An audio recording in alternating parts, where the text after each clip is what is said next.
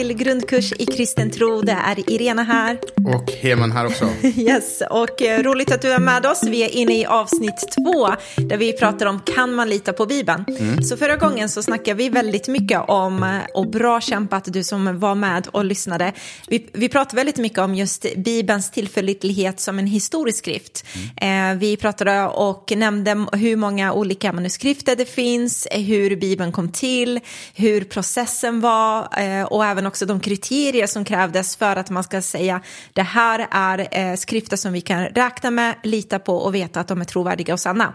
Exakt, och vi sa det att det var eh, lite av en uppförsbacke kan man säga. Att, mm. att hela liksom, kursen börjar med en uppförsbacke och du som tog dig hela vägen till toppen och lyssnade klart är troligtvis lite anfont nu. eh, men nu som sagt så blir det lite eh, nedförsbacke och vi kommer ta lite mjukare eh, världen och inte bara prata om, eller vi, vi, nu har vi pratat om liksom varför man kan lita på Bibeln som en historisk skrift. Ja. Men i det här avsnittet så ska vi eh, prata om varför man kan lita på att Bibeln faktiskt är Guds eget ord. Mm. Och att de miraklerna som, eh, som det står skrivet om, att de faktiskt har ägt rum. Varför ja. finns det skäl att tro på att, att det är sant, att det inte är ja, inte sant. Ja men verkligen. Eh, nej, men alltså, jag eh, började tro på, på Jesus när jag var 15 år gammal. Så innan det så hade jag typ ingen koll alls. Eh, varken på Bibeln, aldrig öppnat upp en bibel, aldrig förstått liksom, den kristna tron och så vidare. Eh, så jag var nyfiken, ville veta lite mer och jag tog ett beslut som sagt att liksom, börja tro på Jesus. Jag återkommer med min story lite längre fram någon annan gång. Mm. Men i alla fall så när jag fick tag i Bibeln och började öppna upp den här boken så tyckte jag att den var så fascinerande. Det är inte alltid att jag fattade faktiskt allt om jag ska vara helt ärlig i början. Utan det tog ett tag att förstå vissa sammanhang, kulturella grejer och så vidare. Men jag typ älskar min bibel galet mycket. Um, och jag fick min, min bibel som, eller jag fick, fick, jag gick och köpte faktiskt den med egna pengar. Så det blir så här extra special, du vet. Så när man är 15 år och man bara lägger sin 500 alltså det var Just det, och då betyder det, det mycket mer också. ja, precis. Man har fått liksom betala ja. för den. Ja, eller hur. Eh, en grej som man ska veta dock med mig, it's getting personal just nu, är att jag tenderar till att, eh, att ha handsvett ibland och ganska ofta. Alltså det kan komma i perioder och det är, okej okay, nu är det för mycket information, men jag säger det ändå. Mm. Alltså ibland blir det så mycket så att det är nästan äckligt. Du vet, så att det typ rinner liksom nerför eh, handflatorna. Mm. Alltså det är så vidrigt. Så att... Och jag är ett levande ögonvittne. jag vet, det är typ så här. När vi blev tillsammans så ville du aldrig typ hålla hand, du höll mig i handleden. Vi gjorde det, vi gjorde det en gjorde gång. Det. Vi gjorde en gång. Det var en, en gång typ så här, ska vi be tillsammans? Och så sa du, ja ska vi hålla hand medan vi ber? I know. För att du ville känna på mig. och så håller man så bara. Ja, jag vet, det är så äckligt. Alltså jag har en riktigt vidrig story och det var typ när jag skulle köra upp och du vet hur nervös man blir när man ska köra upp. Och det här var en sommardag så jag ville liksom ha det kylskåpskallt, eller frys, frysenkallt mm. i bilen. Men det gick inte riktigt. Och på det så bankar hjärtat och liksom jag är ganska varmblodig som person också. Så då blir jag väldigt varm av mig själv. Och speciellt när jag blir exalterad eller nervös, då bara är det värsta så här blodforsen, liksom hela kroppen kommer igång. Och då kommer ju de här svettningar. Och då kommer jag ihåg när jag körde upp där, alltså det började, du vet, det började bli sådär svettigt på, på handflatorna så det började så glida liksom mm. nerför. Det kan så... jag känna när jag ska köra bil efter att du har kört bil. När vi ska byta plats då måste man ta typ en trasa och bara torka av ratten så först. Vidrigt. Jag vet, det är så äckligt. Men då kör jag i alla fall där och du vet man är så fokuserad på att bara köra upp och göra rätt. Liksom, jag kan inte hålla på och tänka på handsvetten. Och så kör jag där så håller jag liksom i, mm. i ratten och så bara, nej men jag kan inte släppa ratten för att han vill ju att man ska hålla bägge händerna på ratten. Du vet så här, kolla backspegeln, kolla sido. Kvart i två eller Ja, men precis. Så jag håller där och jag bara, nej det får bara bära och brista här. Jag bryr mig inte, jag ska ha mitt körkort liksom. Och så bara börjar det rinna och jag känner så här under handflatan hur det bara kommer, liksom det börjar samla sig. Och så kommer den här lilla droppen ner mot slutet av handflatan och så rinner den, åker den ner hela vägen ner mot armbågen. Precis. Så vid armbågsspetsen så samlas det en liten, liten droppe som bara ding, ding, så här ner mot, alltså det var så äckligt. Jag ser det framför mig, det där, det där är en sån här scen som man skulle filma liksom med närbild i en så här eh, romantisk komedi. Ja, alltså det var, och man såg att han såg det och han bara, mm Typ. Ja, det, jag undrar nu det är vad har det här Vad har det här med Bibeln att göra? Förlåt, jag svävar iväg. Bibelns det- trovärdighet. Hur ska vi ta det? Jo, men så här, jag tog med mig en gång när em, vi hade så här ett uppdrag i skolan och då ville de att man gärna skulle ta med sig någonting som betyder mycket för en. Så nu är jag på spåret igen. Och då tänkte jag på min bibel, att den betyder ju jättemycket för mig när jag var 15 år gammal. Med det sagt så har du lite bakgrundsfakta nu på att jag har väldigt mycket handsvett ibland. Em, Väldigt ofta. Väldigt ofta, väldigt Ibland. mycket. Under vårtiden. Sommar, vår. Men, eh, och då, i alla fall när jag började läsa min bibel så ja, men bläddrar man mycket. Och bibeln är byggd på det här sättet att man har så himla tunna liksom, papper. Eh, och det är ju för att det ska få plats så mycket text, så det har jag förstått. Liksom. Men det är lite utmanande för oss eh, handsvetsmänniskor, för jag tror vi är flera än bara jag. Eh, så att när man läser sin bibel och bläddrar fram och tillbaka så har de här papperna en förmåga att suga upp liksom vätska. Så vad som händer är att eh, det är inte tårar, utan det är liksom handsvett. Förstår du? Det är inte så att du blir berörd av budskapet så det kommer tårar, utan det är handsvett som liksom sugs upp där. Och pappret är så tunt så att de liksom blir nästan lite så här fyllda och Det blir lite bubbligt, lite ja, vågigt bubbligt nästan. och vågigt blir det, så att de liksom eh, blir lite tjockare nästan av det. Så att eh, jag hade ju min bibel i typ tre månader. Så jag kommer till skolan och alla ska visa upp liksom vad det är för tillbehör man har med sig som betyder mycket för en. Och så där kommer jag med min bibel som är egentligen väldigt ny. Och folk bara wow, liksom, vad är det där och vilken tjock bok. Du vet. Så jag bara, ja nej men det är min bibel. Och bara, ah, okej coolt, är du kristen typ? Och så berättar jag det. Och så vet du, de bara, men den där boken, alltså, den ser så sliten och kolla hur hög den är Mm. och hur tjock den är. Eh, är- det din mormors eller gammelmormor du har fått ärva? Liksom. Och jag bara så här, eh, nej, alltså den har ju blivit tjock eh, på grund av all handsvett som Och så är det har, bara nå- liksom. några månader gammal. Jag vet, det är riktigt galet. Men nu, nu när vi sitter och pratar, då har du fått låna min bibel. Då Jag har ju det. Den vill jag ha till, I know. tillbaka. Alltså jag är lite svettig nu också. Ah, ja.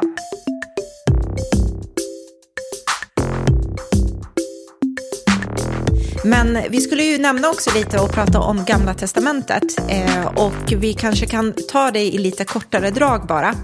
Eh, det man vet är att man vet lite mindre om just liksom Gamla Testamentets skrifter. Hur de liksom kom till eller hur man har hur, sammanställt. hur kanoniseringen Precis. eh, gick till. Exakt. Eh, men det är ju en gammal tidsepok. Precis, det är en äldre, vi pratade om det förra, i förra avsnittet, att vi pratar alltså om saker som hände på Jesu tid, 2000 år sedan. Mm. Gamla testamentet är ännu längre bak i tiden, det är 3000 år sedan.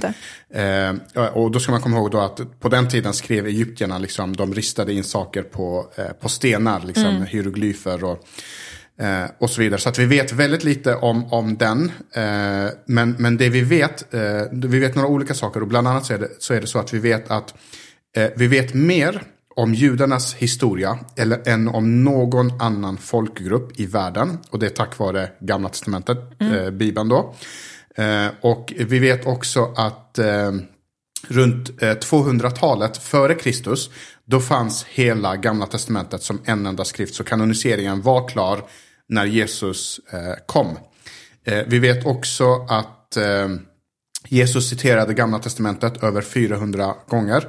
Lärjungarna gjorde också det. Så när du läser Nya Testamentet så citeras Gamla Testamentet för att Nya Testamentet bygger på den här berättelsen. Det är inte en, en ny berättelse utan den, den bara eh, byggs på. Så därför så kan vi då att om vi, om vi slår fast att Nya Testamentet är trovärdigt så kan vi slå fast att Jesus åtminstone ansåg att Gamla Testamentet var eh, trovärdig. Och det man ska ta med sig då det är att om eh, de kristna försökte skriva av de här handskrifterna så noga som möjligt då var judarna tio gånger mer nitiska med det här. Det var verkligen ett enda tecken. Då var det tvungen att skrota alltihopa och börja om från början. Men ibland kan jag tycka ändå liksom att om man pratar lite om Bibeln där, att den som bok kan ibland särbehandlas. Jag kan tycka ibland att man har lite en, en sån här attityd gentemot Bibeln att den är inte trovärdig tills motsatsen bevisas. Liksom. Medan man tänker kring andra skrifter att de är trovärdiga tills motsatsen bevisas. Alltså att det blir lite så tvärtom attityd gentemot Bibeln. Exakt, Att så man- till exempel när man citerar eh, de här filosoferna, Platon och Aristoteles. Det, det, jag har aldrig hört någon eh, kritisera eller, eller så här undra, är det, är det här verkligen sant? Utan man tror att det är sant tills någon hittar någonting som gör att det inte är sant. Medan Bibeln är det tvärtom. Det är troligtvis inte sant tills någon måste bevisa då att det är sant. Och så sprider sig då de här äh, falska berättelserna om att ah, men det är en sagobok och den går inte att lita på. Och kanske fundera på att det är nog så, inte, alltså just för att Bibeln är mer än bara en historisk skrift. Alltså den innehåller också de här övernaturliga inslag. Och det är kanske just det som gör det lite svårt för vissa att köpa liksom hela boken, om du förstår vad jag menar. Precis, och det, och, det, och det är därför vi har delat upp det här på just det här sättet att även om vi inte skulle tro att Bibeln är Guds ord och att Bibeln är, innehåller övernaturliga, att de övernaturliga inslagen som berättas om i Bibeln, att de är sanna, så kan vi fortfarande tro att Bibeln är historiskt korrekt. Just det. Men det vi ska försöka göra i det här avsnittet det är att ge lite anledningar till varför man ändå kan tro det eh, förstnämnda också. Det vill säga, men, när det står att Jesus gick på vatten så gjorde han faktiskt det. Eh, och när det står att människor kunde bli botade så blev de faktiskt det. Det är inte bara eh, en symbolspråk eller något i den, den här stilen. Utan det var riktiga människor med riktiga namn, riktiga möten. De var sjuka, de blev friska. Hur gick det till? Så vi kommer ge dig tre olika anledningar till varför du kan lita på det. Och eh, den första anledningen som vi eh, vill lyfta fram är att Bibeln är författad av en men nerskriven av många. Och vad jag menar med det är baserat på just den här bibeltexten som vi läste förra gången om att eh, Guds ande har inspirerat. Eh, det är Gud som har varit liksom den stora hjärnan, författaren och så har han inspirerat enkla människor att skriva ner just det som Gud gjorde, vad som hände eh, och också fånga upp alla de här ögonvittnesskildringar som vi pratade om förra gången. Precis, och då kan man undra på vilket sätt är det en anledning till att tro, eh, eller att, att, en anledning att lita på Bibeln. Eh, och då är det så här att vi, vi har ju pratat om att Bibeln är egentligen inte en bok, utan det är många böcker som är sammanställda till en enda bok. Det är en samling av böcker kan man säga. Eh, och det är faktiskt därifrån vi får ordet bibliotek. Eh, från ordet biblia. Så Bibeln är som ett bibliotek av flera olika böcker. Nya testamentet innehåller 27 böcker och Gamla testamentet innehåller 39 böcker. Eh, och det här argumentet, eller den här anledningen, bygger egentligen på att trots att det är en person som har författat allt det här eh, och eh, så är det nedskrivet av över 40 olika författare. Eh, och trots det eh, så finns det en röd tråd genom hela Bibeln. Och inte nog med det, utan den är dessutom författad på en tidsperiod om 1500 år. Eh, och då tänkte vi lite så här djupdyka eh, lite, lite mer i, och bara så att man ser liksom bredden i Bibeln. Eh, så är det så att, att den är skriven på tre olika kontinenter. Eh, den är skriven i Afrika, i Asien och Europa. Den är skriven på tre olika språk till och med. Eh, hebreiska, eh, större delen av gamla testamentet. Och grekiska och arameiska i nya testamentet. Eh, och sen då så är det ju som, eh, som sagt 40 helt olika författare som har varit med och skrivit ner det här som Gud liksom har inspirerat. Och det är det jag tycker är så eh, intressant liksom, och ganska fascinerande också. Du säger att den skrevs ner under den här tidsperioden på 1500 år. Det är 40 olika människor från helt olika samhällsklasser. Alltså det är helt olika yrken, man har haft olika intressen, säkert syn på livet, eh, säkert olika åldrar, personligheter. Eh, och man ser en bredd av dessa liksom, personer som har varit med och författat Bibeln. Allt ifrån att det har varit herdar, domare, soldater, präster, profeter, till och med kungar, tulltjänstemän. Poeter. Ja, poeter, läkare nämnde vi också, Lukas förra gången, fiskare och mycket, mycket mer. Och eh, bara för att ge lite exempel på liksom, namn som när du börjar läsa Bibeln, du kommer känna igen de här och ge exempel på deras yrken, så ser man den här bredden på eh, hur olika typer av människor det var. Liksom. Vilket är ganska fascinerande. Så vi har David eh, som har skrivit eh, många av de salmer som du kan läsa om i, i Bibeln. Han var kung och även poet. Eh, vi har Salomon eh, som var kung. Eh, vi har Daniel som var statsman, eh, Danielsboken. Eh, vi har Josua som var general. Eh, vi har Nehemja som var munskänk. Det var faktiskt något av det finaste man kunde vara tror jag. Mm, kungens egen personliga Ja, fick smaka där innan servitör. kung. kungen fick. Eh, och, och, och, sen så blev han ju uppgraderad sen till ståthållare. Just det. Lukas nämnde vi tidigare. Han var ju läkare. Vi har Matteus som är en av lärjungarna. Han var tulltjänsteman. Eh, Petrus som var fiskare. Paulus som var en rabbin. Eh, och utöver alla de här så hittar vi också präster och profeter.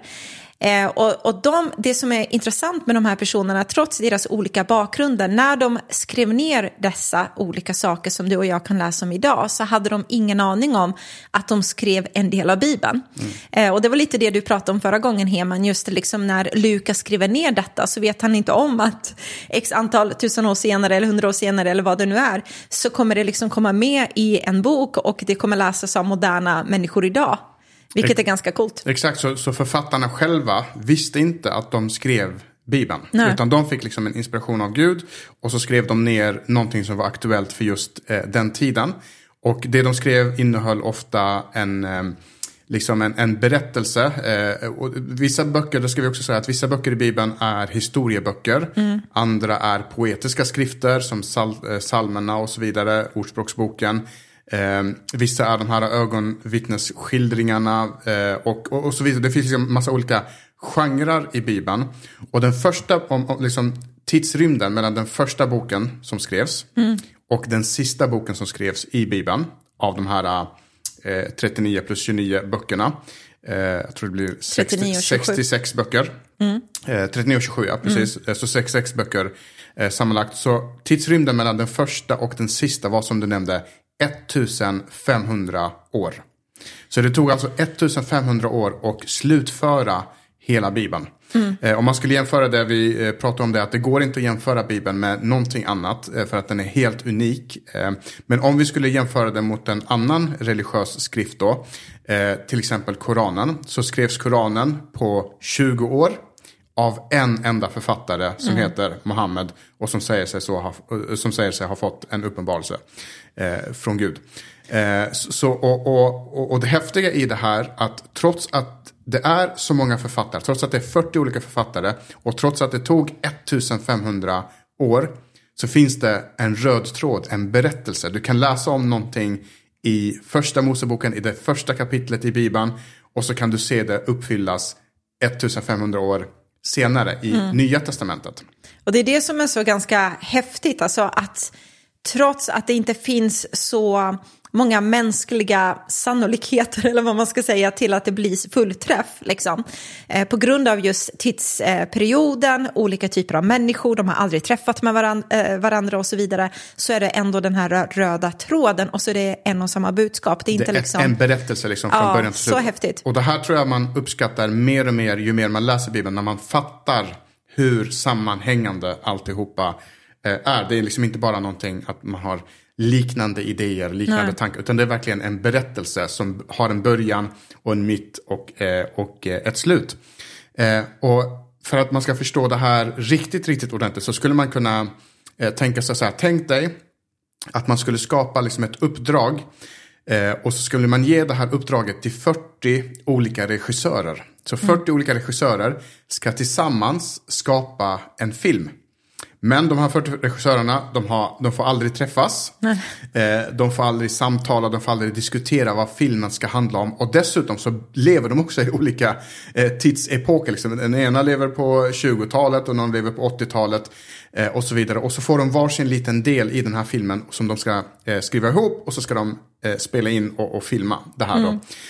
då. Och så visar det sig, när alla de här 40 regissörerna har gjort sin del och man lägger ihop allt det här så finns det en storyline från början och till slut. Och så finns det en sammanhängande linje, du vet att saker som händer i slutet på filmen mm. hänger ihop med saker som händer i början och i mitten. Och tänk dig, du vet så här, Sagan om ringen ja. och, så, och sen så släpper de eh, det kan hända nu att jag gör bort mig helt, men jag har för mig typ att man spelar in eh, Sagan om ringen, sen släpper man de här Bilbo-böckerna som mm. egentligen utspelar sig innan, men det händer, hänger ändå ihop och så vidare. Och det där kan ju bara hända på grund av att det finns en författare som har tänkt igenom allt det här och är framåtseende. Mm.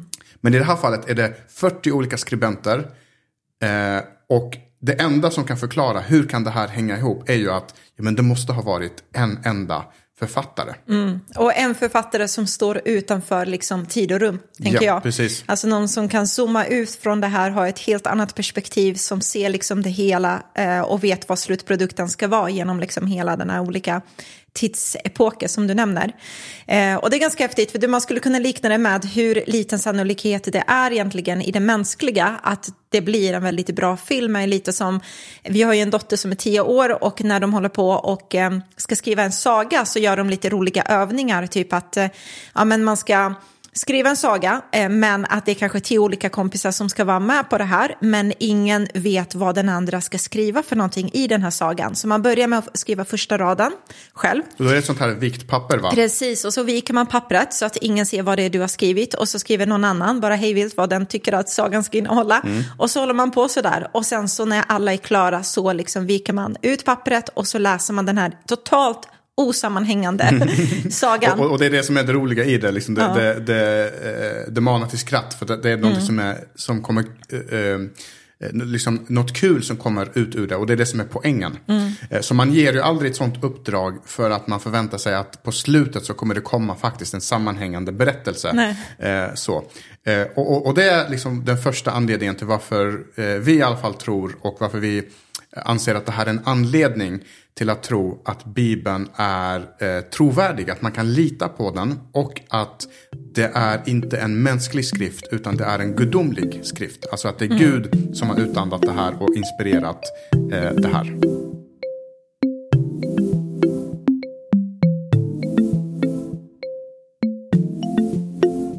Eh, Och det leder oss ju till anledning nummer eh, två. Och, och det är att Bibeln kan beskriva framtida händelser innan de ens har ägt rum. Eh, och några av de här händelserna har redan beskrivits i Gamla Testamentet och sen ägde rum rum i Nya Testamentet. Det finns också händelser som beskrivs i Bibeln som har hänt i modern tid. Så det här är inte bara saker som hände för jätte, jättelänge sedan. Eh, och det säger oss, och vi ska gå igenom några, några exempel, tänkte vi skulle läsa några bibeltexter eh, och, eh, och se vad det stod och vad som hände sen. Eh, och eh, varför det, det här är ett bevis eller en anledning, eller vad man nu ska kalla det, eh, det är ju för att enda förklaringen till hur det här kan komma sig, det, det är precis eh, som du nämnde Irena, att, att den som har skrivit den här boken är utanför tid och rum. Alltså han kan se 20-talet och 50-talet samtidigt. Han kan se 1000 före Kristus och 1000 efter Kristus samtidigt. Han ser, han ser liksom inte det som vi, att våran tid går framåt hela tiden. Utan han är utanför det här och ser dåtid och framtid samtidigt. Och därför så vet han vad som kommer att hända. Och så kan han förvarna om det innan det ens eh, har hänt. Eh, och anledningen till att de här profetiorna ens finns med i Bibeln, det är just att när Jesus kommer och hela det här kristna budskapet utspelar sig Eh, så, så ska det vara underbyggt av att man har förvarnat eller förberett för det här snarare. snarare. Eh, för att öka trovärdigheten. Att men det här är inget nytt, det här kommer inte hej svejs eh, från ur ett vakuum. Utan det här har vi faktiskt, eh, det här stod redan, vi visste att det skulle ske. Och wow, se nu, nu, nu händer det. Och vi skulle ju ta några exempel, men jag vill säga redan nu att det finns ju flera hundra profetier. Alltså nu tar vi bara axplock av några stycken. Eh, och vi läser den första. Man kan hitta den i Gamla Testamentet, i Jesaja kapitel 7 och vers 14. Då står det så här. Därför ska Herren själv ge er ett tecken. Se, jungfrun ska bli havande och föda en son och hon ska ge honom namnet Immanuel. Här har vi den första då, profetian. Precis, och den här är bra för att den här eh, kan man ta utan att det kräver för mycket förkunskaper. För vad det här handlar om det är att vi känner alla till julberättelsen. Eh, det är Jesus i krubban som föds och den här Jesus är inte vem som helst utan det är Gud som kliver ner i en, eh, en människokropp. Och dessutom så är det så att det är inte eh, vem som helst som föder Jesus utan det är en person som heter Maria och den här Marian råkar vara jungfru, alltså oskuld. Hon har inte haft sex med en man och ändå så blev hon eh, gravid med Jesus. Och anledningen till det är för att det är Gud själv som har, så att säga, vad kallas det, insaminerat, eller vad kallas det? Inkarnerat, inkarnation. Inkarnation blir att han blir människa. det. Men, men att, ja, men du menar uh, incitera, incement. Inse, inse, inseminerat tror jag det heter. Eh, känns Så som att jag går det. på hal is när jag pratar om sådana saker. Men det var Gud som liksom gjorde henne gravid, Ja. som gjorde henne eh, eh, havande. Och då står det, vi läser det igen, då står det så här. Därför ska Herren, alltså därför ska Gud ge er ett tecken. Och att jungfrun ska bli gravid och föda en son och hon ska ge honom namnet Emanuel. Så det finns flera saker här. För det första, den som ska föda eh, Jesus eh, ska vara jungfru, vilket mm. framgår här. Och det var precis det som hände, Maria var jungfru. Eh, och det ska vara en en son och så, ska, och så ska han få namnet Emanuel. Nu fick han inte, han heter Jesus kan man eh, tänka. Eh, men det här är ett ord som man har valt att inte översätta till svenska. Och vad Emanuel betyder det är Gud med oss. Så han ska mm. få namnet Gud med oss. Så det här barnet som föds, det är aldrig någon i historien före Jesus eller efter Jesus som har fått namnet att det här, det här barnet är Gud med oss. Eh, men det här barnet ska inte vara vem som helst utan det här är Gud själv som kliver ner till jorden och eh, blir en människa. Inkarneras. I inkarneras och i form av ja. en, en bebis då. Just det. Eh, och det här skrevs alltså runt 700 år före Kristus. Viktigt att nämna. Och sen mm. så skedde det eh, i Nya Testamentet då. Mm. Så det är ett av många, många exempel. Men vi tar två till. Eh, vi har ett annat i Gamla Testamentet fortfarande, i Mika kapitel 5 och vers 2. Den är lite klurig att hitta. Då står det så här. Men du, Betlehem Efrata, som är så liten bland judatusenden, från dig ska det åt mig komma en som ska härska i Israel Hans ursprung är före tiden från evighetens dagar. Mm. Så den här är inte lika liksom, eh, självklart kanske om man läser det första gången och förstår vad det handlar om. Mm. Men, Men även tycker, den här pekar lite på. Precis, jag tycker ändå att när man eh, har man som sagt hört eh, djurberättelsen eh, så vet man att eh, Jesus föds i Betlehem. Eh, och då ska man veta vad Betlehem är. Idag är Betlehem en lite större stad, men på den tiden så var Betlehem en stad som bestod av ungefär 150 invånare. Mm. Så det var verkligen en, en håla. Så att om jag skulle gissa var, om jag skulle säga, men du får gissa var USAs president kommer födas. Då kanske jag hade gissat så här, Washington, mm. New York, någonting så här stort eh, med mycket människor för då ökar jag mina chanser att, att, att, eh, att det är sant. Jag skulle inte säga så här Vingåker eller någon sån här liten eh, ort som väldigt få eh, känner till. Men det den här texten berättar i alla fall, det är att när Jesus kommer så kommer han födas specifikt i Betlehem. Mm. Eh, och inte bara det, eh, hur vet vi att det talar om just Jesus? Hans namn, namn nämns ju inte här. Jo, men det står att det ska komma en som ska härska Israel. Hans ursprung är före tiden från evigheters dagar. Så den här personen som ska födas och härska, eh, han ska inte vara en vanlig människa som äntrar in i våran tidsålder och har liksom, ja men när föddes han? Jo, han föddes år 50 före Kristus eller något sånt där. Han har liksom inget årtal för sin födelse, för han var innan någonting var till. Han är Gud själv som är utanför tid och rum. Mm. Eh, han är före tiden, han är i evighetens dagar. Men så, så kliver han in i våran tidslinje och blir en av oss.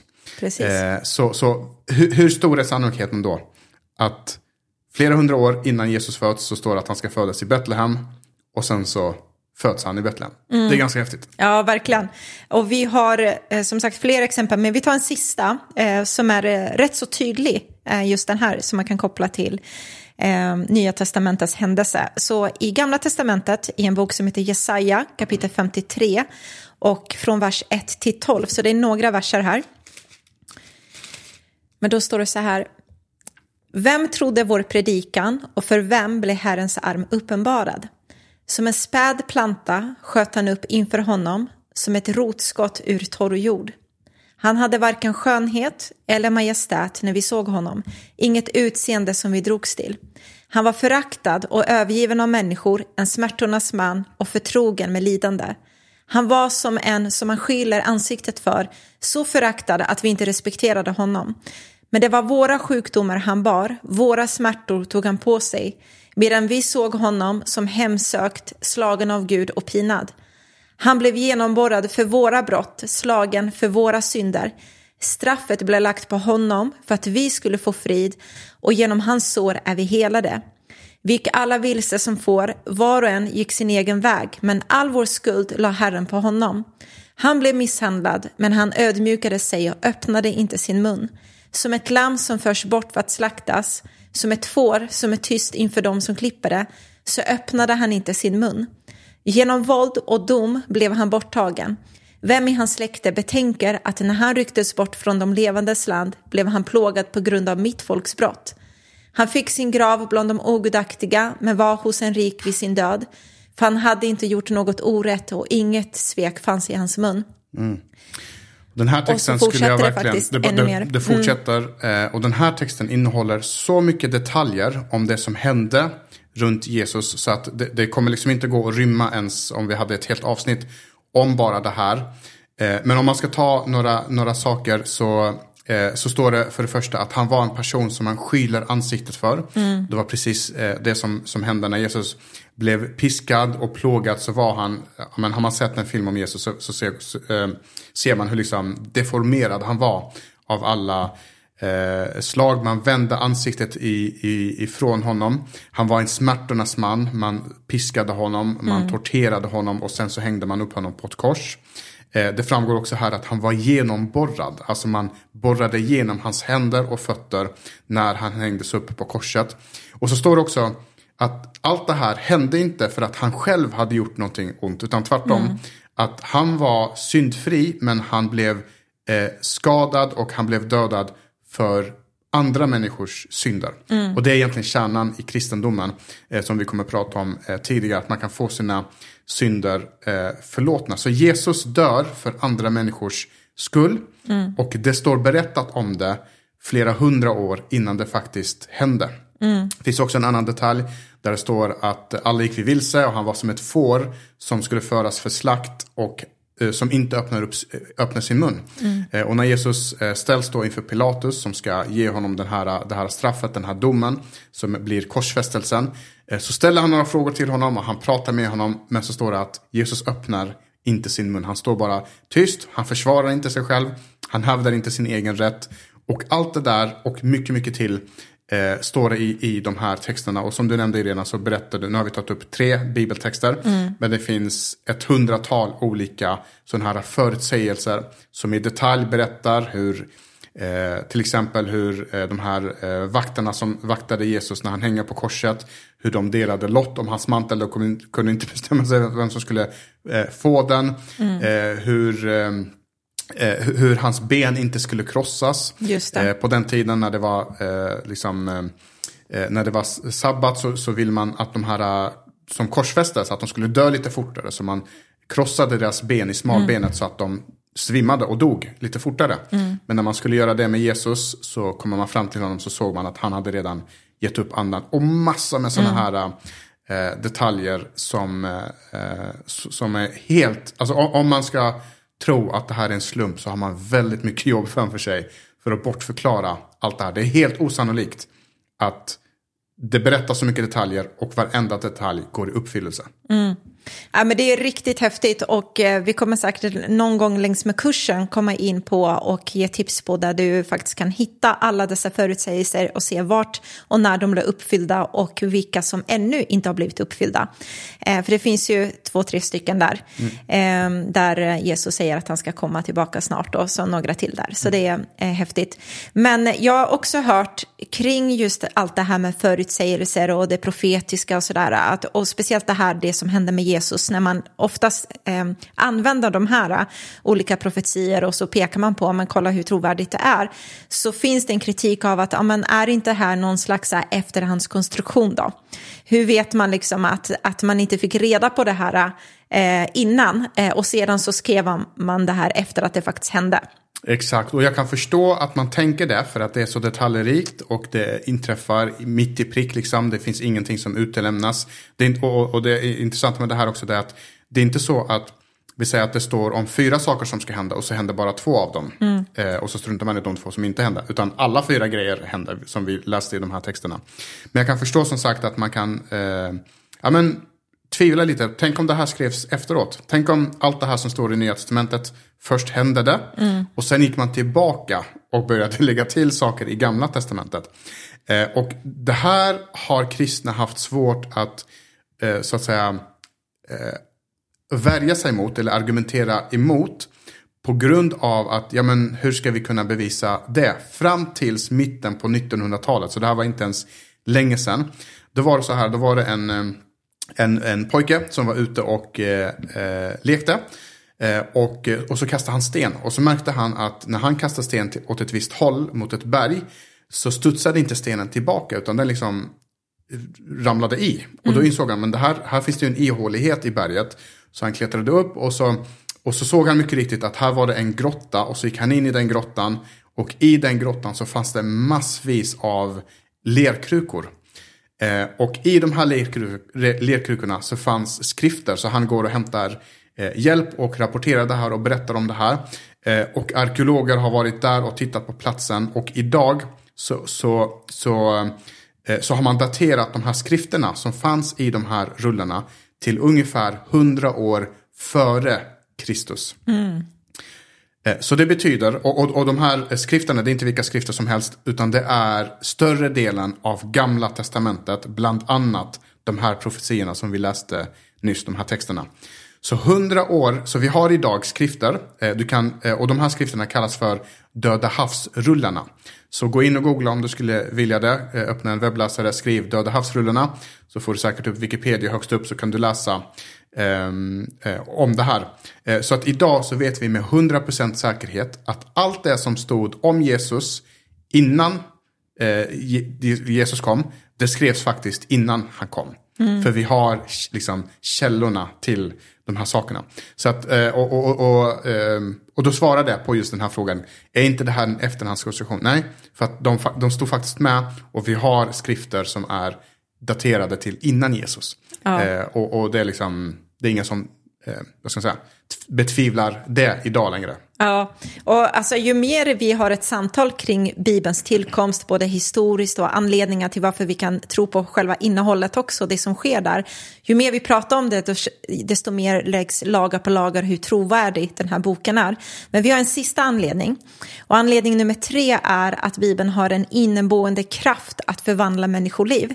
Eh, och vad jag menar med det är att det finns så många, flera tusentals efter tusentals, miljontals skulle jag vilja säga. Flera, miljon. flera miljontals människor som verkligen har just det här äh, vittnes... Eh, vittnesbörd från sitt egna liv, liksom, om att när jag kom i möte med budskapet i Bibeln och den här boken så har det gjort någonting med mig. Det har förvandlat mitt liv från insidan och ut. Mm. Och det är ganska häftigt faktiskt, det får man inte glömma med Bibeln, att det är världens populäraste bok. Alltså mm. det finns ju ingen bok som har liksom gått före Bibeln. Den är fortfarande världens populäraste bok och världens mest köpta bok vill jag också säga. Vilket är väldigt, eh, bara bam, alltså drop the mic. Eh, Precis, så det är inte bara populär så att man delar ut den, ja. Eh, utan, utan den är populär för att den faktiskt läses av mm. människor och att folk faktiskt köper den. Eh, det är den bok i världen som är översatts till flest språk. Mm. Eh, och, och, och det häftiga är just att idag på 2000-talet så läser folk en bok fortfarande som är 2000 år gammal och den är fortfarande populär.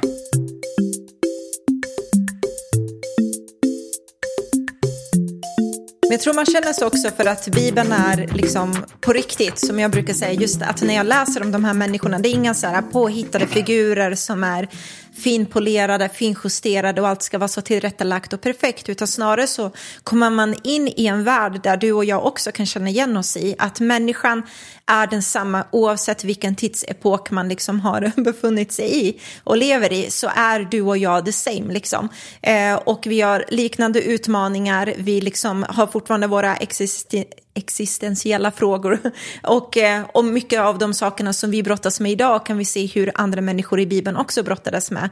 Eh, vilket tycker jag för mig skapar en, liksom, en trovärdighet ännu mer mm. kring att det här är relevant och det är aktuellt och det här budskapet berör mig lika mycket år 20 tusentalet eh, mm. som jag lever i som det var liksom förr i tiden. Mm. Eh, och, och man, inte 20 000-talet. Nej, 20 000, 2023, 2000-talet, 2000-talet, 2024. 2000-talet. Men, 2000 men, men eh, och, och, det här är egentligen ingen, ingen, nu har vi sagt tre anledningar. Mm. Eh, man skulle kunna lägga till en fjärde. Eh, och det är faktiskt den här som du sätter fingret på nu. Och det är att när du läser Bibeln så undrar du, ska det här verkligen stå med? Alltså, eh, för, för att, för att det, det, är berättelsen om hur människor har misslyckats. Det är mm. berättelser om människors brottningskamper. Det är inte bara, för det, det kan man tro ibland, Bibeln är bara en, en liksom, Vad jag ska göra och inte göra. Massa texter med vad jag ska göra, hur jag ska leva mitt liv. Eller så är det typ så här mantran, så, här, mm. så ska man mm. läsa massa eh, saker. Men, men prova läs Bibeln och se vilka berättelser som står där. Den polerar ingenting, den, den sopar ingenting under eh, mattan. Utan det är ganska brutala saker som finns med. Och skulle det vara så att, att det här var en bok som, den är bara till för att eh, ge dig en feel good känsla eller det, liksom att den ska bli populär. Då hade man tagit bort allt det där. Mm. Eh, och, och, det för mig blir det en ytterligare, men det är som sagt en, eh, en bonus. Men anledning nummer tre är just, att, just det här att den har en inneboende kraft att förvandla eh, människors, människoliv. Och det finns otaliga miljontals människor av alkoholister som blivit fria äktenskap som blivit helade, brustna hjärtan som blivit tröstade, eh, företagsledare som blivit vägledda, unga tjejer och killar eh, som fått liksom tillbaka sitt värde, eh, unga killar som fått liksom känna sig älskade, unga tjejer mm. som har fått känna sig älskade. Eh, och, och, och, och det här händer idag, det, det hände inte bara för 2000 år sedan eller 100 år sedan, utan vi får höra om det dagligen. Gå in på sociala medier, eh, YouTube eller sök efter det så kommer du höra massor med vittnesbörd mm. och människor berätta om hur den här boken faktiskt, inte bokstäverna i sig eller med budskapet, så här, budskapet liksom. har förvandlat liksom mm. deras liv. Yes, men då avrundar vi här. Eh, och du kan gärna, om du har tid, också titta igenom de här olika samtalsunderlag som vi liksom skickar med. Så fundera dig själv eller fundera i grupp om du gör det här tillsammans med några andra personer. Mm. Eh, så kan man ju samtala kring det. Precis, vi ska också göra så här att de här profetiorna som vi har pratat om. Eh, vi, vi gör så att i eh, show notes, i de anteckningarna till det här avsnittet, så kommer vi lägga till en länk så att du kan ladda ner en pdf med en lång, lång, lång, lång lista med de här profetiorna, förutsägelserna om vad som hände. Och så kan du eh, amen, undersöka, göra lite stickprov, eh, testa om det funkar eller undersöka det tillsammans med eh, personen eller personerna som du gör den här eh, grundkursen med.